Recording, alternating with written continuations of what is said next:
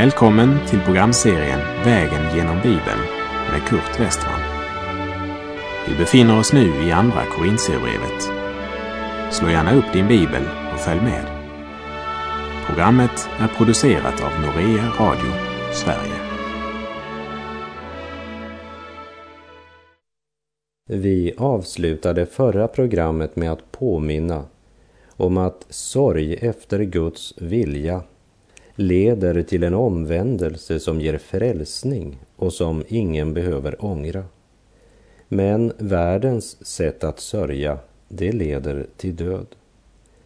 Därmed har vi kommit till ett nytt avsnitt i Andra Korinterbrevet, där Paulus på ett sätt skiftar tema, samtidigt som det blir en naturlig fortsättning på vad som sker i den församling där sorgen varit efter Guds vilja och lett till frälsning.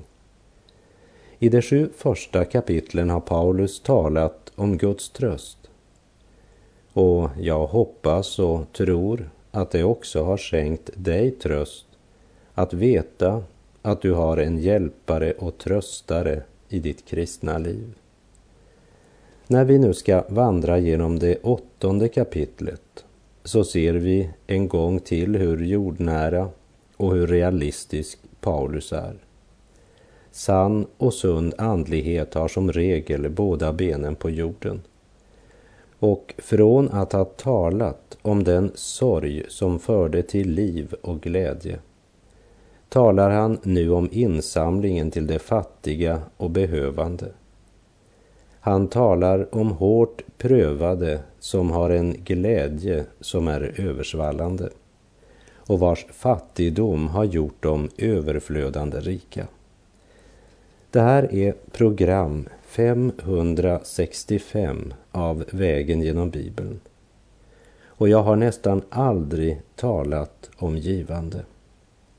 Ändå ökar gåvorna till Noreas radiomissionsarbete och det stadfäster min teori att Guds folk är villigt att ge sitt stöd till ett arbete som undervisar och förkunnar Guds ord. Jag tar avstånd ifrån den starka fokuseringen på pengar och insamling med hjälp av professionella marknadsförare. Jag tror inte alls att det är bibelskt. Jag tror inte att det är tillfälligheter som gör att Paulus nu konkret börjar tala om något så världsligt som pengar. När det gäller kristet liv och vårt givande så är det få ställen i Bibeln som belyser det så bra som kapitel 8 och 9 i Andra Korinthierbrevet. Allt vi behöver veta om det finner vi faktiskt här. Det finns inga bestämda regler, men vissa bestämda principer för givande. Nu kanske någon säger, jag trodde att vi var skyldiga att ge tionde. Nej, det är inte normen idag. Det är en praktisk princip som du kanske önskar följa för egen del men det är inte en generell regel som gäller alla idag. Det ord som är det stora och det centrala i det här avsnittet av Bibeln, det är ordet nåd. Så ha det ordet i bakhuvudet när vi nu vandrar genom kapitel 8 och 9. Vi läser andra Korinthierbrev 8, vers 1. Vi vill tala om för er bröder vilken nåd Gud har gett församlingarna i Makedonien. Gud hade alltså gett församlingarna i Makedonien en speciell nåd. Så spännande. Vad var det de hade fått som Paulus finner det värt att poängtera så starkt? Ja, låt oss höra vad han säger om församlingarna i Makedonien vad som är så speciellt med dem. Vers 2. Fastän de varit hårt prövade har deras översvallande glädje och deras djupa fattigdom gjort dem överflödande rika på uppriktig hängivenhet. Hör, överflödande rika på uppriktig hängivenhet. Tänk om det hade kunnat sägas om alla församlingar. Ja, tänk om det hade kunnat sägas om mig. Överflödande rik på uppriktig hängivenhet. Det här börjar ju verkligen bli intressant.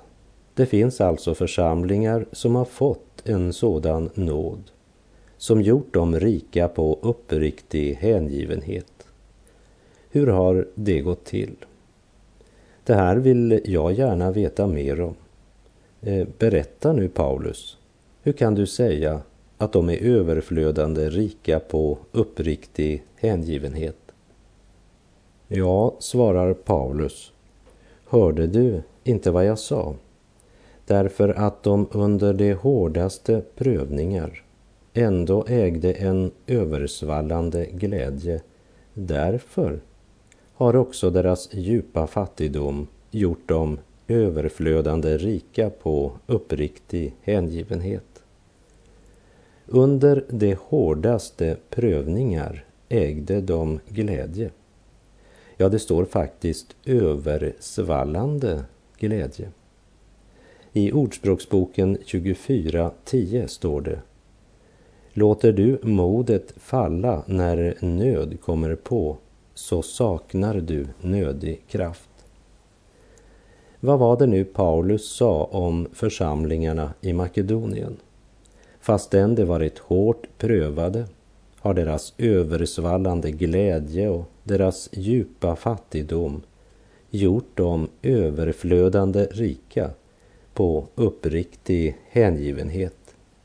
Det vill säga, de hade inte låtit modet falla när nöd och prövningar trängde på. Utan de var faktiskt översvallande glada. Och det kallar alltså Paulus för nåd. Ja, de har fått nåden att kunna ge till andra. Inte därför att de har så mycket att ta av, men därför att de har en sådan vilja att ge. Nåden att ge. Guds nåd är Guds iver att dela all sin godhet med andra. Och det hade de troende i församlingarna i Makedonien verkligen fått del i. Ivern att dela med andra. I sin bergspredikan sa Jesus Om ni som är onda förstår att ge era barn goda gåvor hur mycket mer ska då inte er far i himlen ge det som är gott åt den som ber honom? Gud vill skänka dig allt gott. I Andra Korinthierbrevet 6.1 skrev Paulus som medarbetare uppmanar vi er också att ta emot Guds nåd så att den blir till nytta. Gud vill ge dig syndernas förlåtelse, glädje och frid. Men han vill också ge dig renhet och insikt, tålamod och godhet, uppriktig kärlek och hängivenhet. Som det står i Romarbrevet 8.29 så har Gud bestämt oss till att formas efter hans sons bild. Vi är hans verk, skapade genom Kristus Jesus till att göra de goda gärningar som Gud har förberett, så att vi ska vandra i dem. Av nåd är vi frälsta genom tron.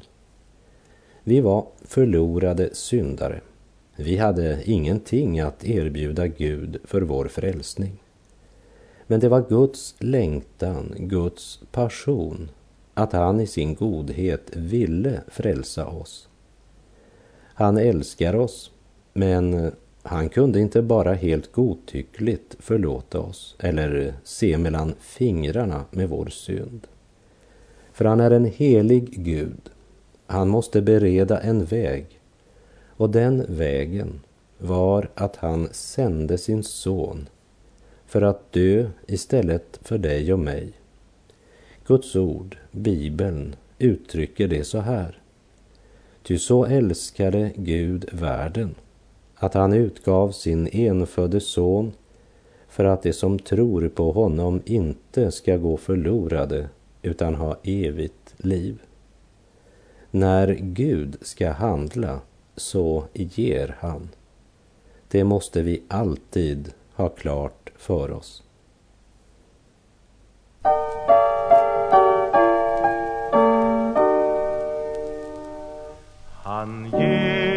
Mera nåd när min börda blir större när arbetet växer mer kraft han beter.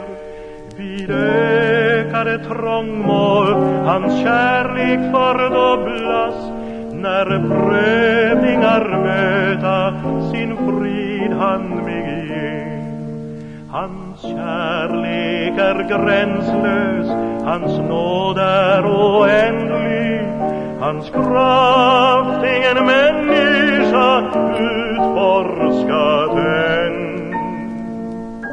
Ty av sina väldiga, eviga skatter han giver och giver och giver igen.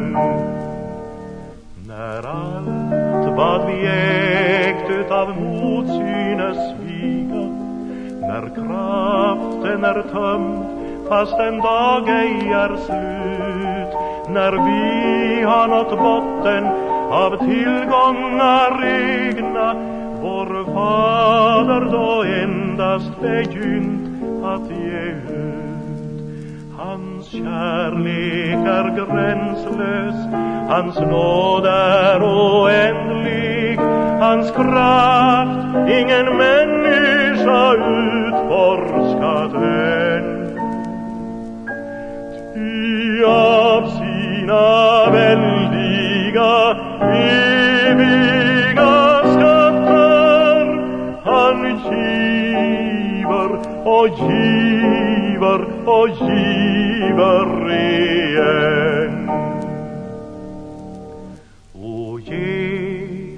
Jesus, för dig vill jag öppna mitt hjärta i tro ta emot av de skatter du ger och sedan ge ut Ty ju mera jag giver så strömmar välsignelsens flod ännu mer. Hans kärlek är gränslös, hans nåd är oändlig, hans kraft ingen människa utforskat än. av sina väldiga, eviga skatter. Han giver och giver och giver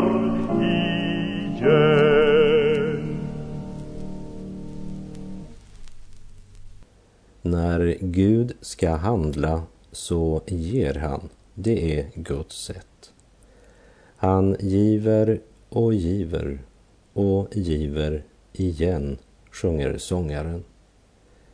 Ibland uttrycker vi oss kanske som om Gud skulle vara fattig och behöva våra gåvor.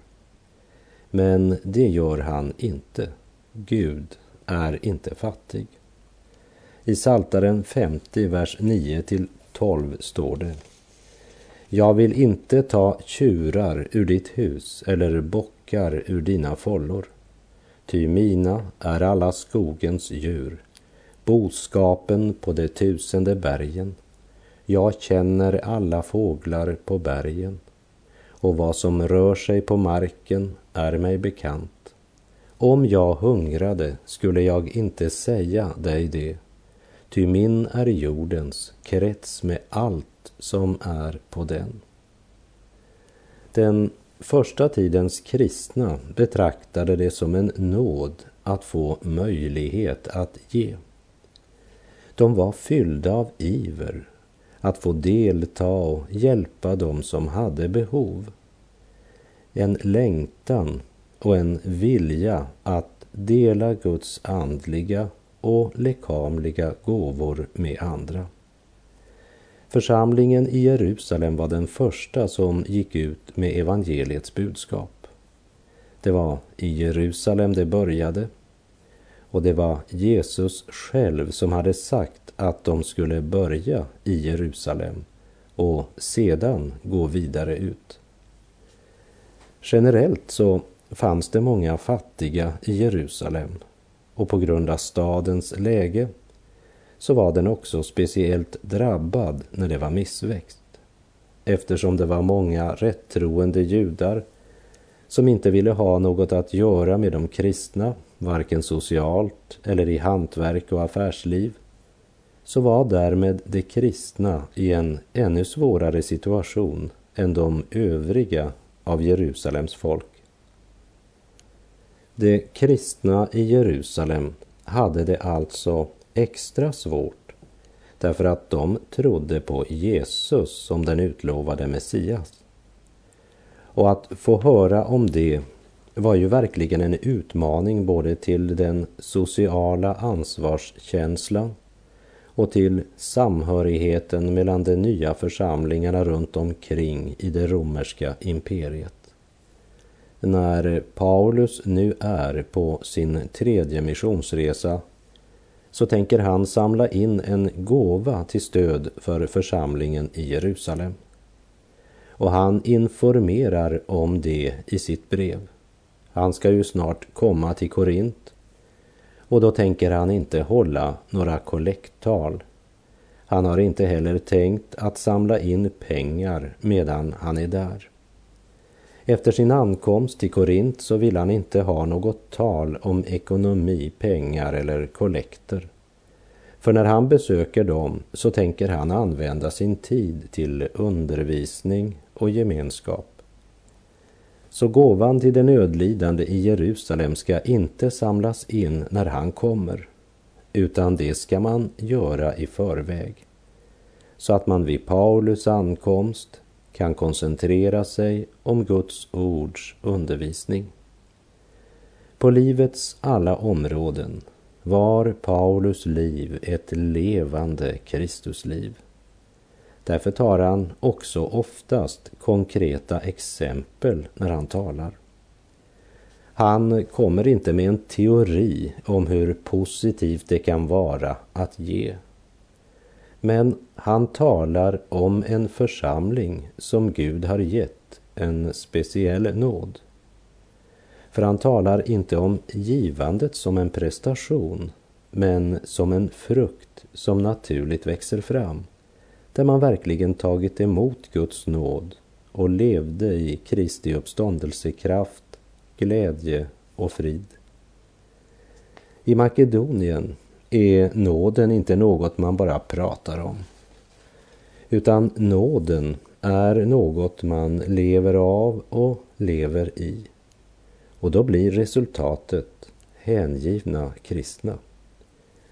Och hängivenheten ger sig högst praktiska utslag. Vi läser andra Korinthierbrevet 8, vers 1 och 2.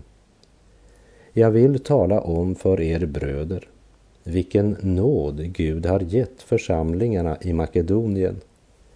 Fastän de varit hårt prövade har deras översvallande glädje och deras djupa fattigdom gjort dem överflödande rika på uppriktig hängivenhet. Här handlar det alltså inte om vad de hade råd till, men vad de hade hjärta till.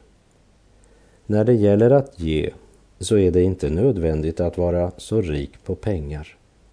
Men att vara överflödande rik på hängivenhet är viktigt. Paulus säger inte de har ju all orsak att klaga eftersom de varit så hårt prövade. Nej, de har varit så hårt prövade men är ändå översvallande glada eftersom deras liv inte längre styrs av yttre omständigheter, medgång eller motgång. Nu är de nådens barn. De har sin glädje i Gud. Den Gud om vilken Paulus säger i Filipperbrevet 4.19. Så skall min Gud efter sin rikedom på ett härligt sätt i Kristus Jesus ge er allt vad ni behöver. Församlingarna i Makedonien var inte bara fattiga men även hårt prövade på många sätt som Paulus nämnde i Andra Korinthierbrevet kapitel 7 där han säger att de fick ingen ro utan var på allt sätt trängda.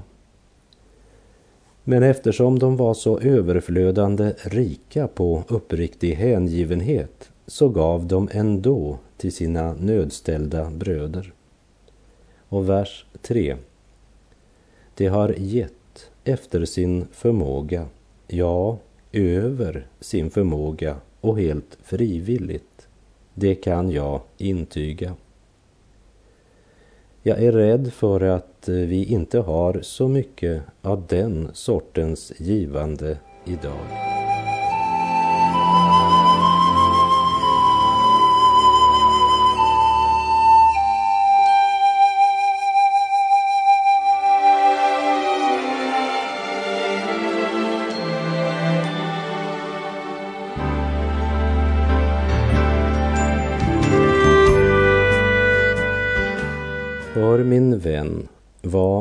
Paulus nu säger till de troende i Makedonien. Andra Korinthierbrevet 8, vers 4. Mycket enträget bad de oss om nåden att få delta i hjälpen åt de heliga. De hade hört om nöden bland de troende i Jerusalem och eftersom de var så fyllda av uppriktig hängivenhet så bad de själva om att få vara med och delta i hjälpen åt de heliga. Och de suckar inte tungt och säger Ja, ja, ja, vi får väl försöka göra vår plikt vi också. Nej, de ser det som en nåd att få lov att vara med och ge spontant, frivilligt, under glädje och tacksamhet ger de. Och de gav inte bara så mycket som Paulus hade hoppats, utan mycket, mycket mer. Vad är hemligheten med dessa kristna i Makedonien? Ja, hemligheten möter vi när vi fortsätter och läser vers 5 och det gav inte bara det vi hade hoppats utan sig själva gav det. Först och främst åt Herren och sedan åt oss efter Guds vilja. Det var inte först och främst aktiva i församlingsarbetet eller kyrkan utan de hade först av allt givit sig själva åt Gud. Och det är grundläggande.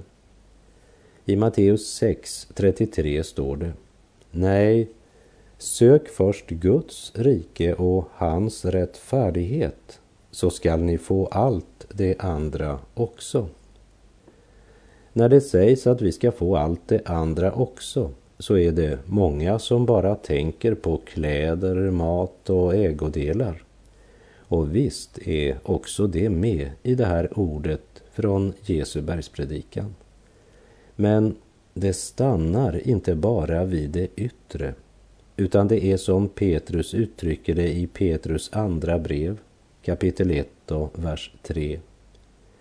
Ty allt det som hör till liv och Guds fruktan har hans gudomliga makt skänkt oss genom kunskapen om honom som kallat oss genom sin härlighet och ära.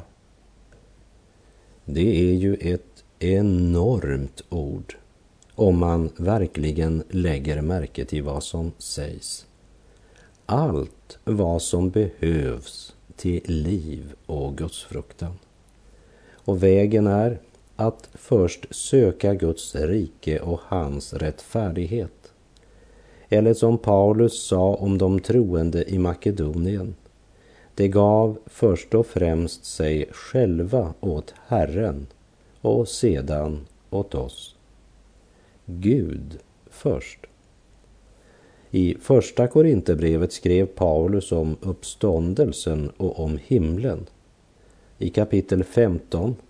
Men innan de hinner säga berätta mera om himlen så tar Paulus genast ner dem på jorden genom att börja kapitel 16 med orden När det gäller insamlingen till det heliga ska ni också göra som jag har föreskrivit församlingarna i Galatien.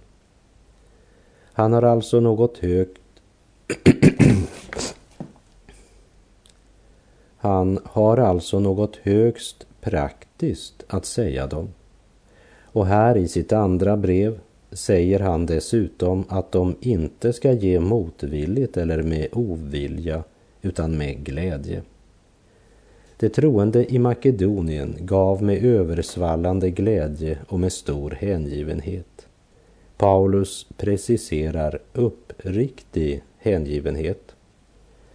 Först och främst gav de sig själva till Gud. Och om du inte har givit dig själv åt Herren så vill han inte ha något annat av dig heller. Om Gud inte äger handen önskar han inte heller gåvan som finns i handen. I de fem första verserna i Andra Korinterbrevet 8 så talar Paulus alltså om vilken nåd Gud hade gett församlingarna i Makedonien. Och vi behöver verkligen stor nåd från Gud om vi ska bli lösta från all vår självupptagenhet och egoism och så rika på uppriktig hängivenhet att vi enträget ber om att få delta i hjälpen åt det heliga och ge över vår förmåga. Det gjorde de troende i Makedonien. Och det var därför att de först och främst hade givit sig själva åt Gud. Mitt i prövningar och fattigdom var de översvallande rika på glädje och överflödande rika på uppriktig hängivenhet. Låt oss meditera över dessa verser tills vi hörs igen. Herren vare med dig. Sök honom först så ska min Gud efter sin rikedom på ett härligt sätt i Kristus Jesus ge dig allt vad du behöver både till liv och Guds fruktan. Gud är god.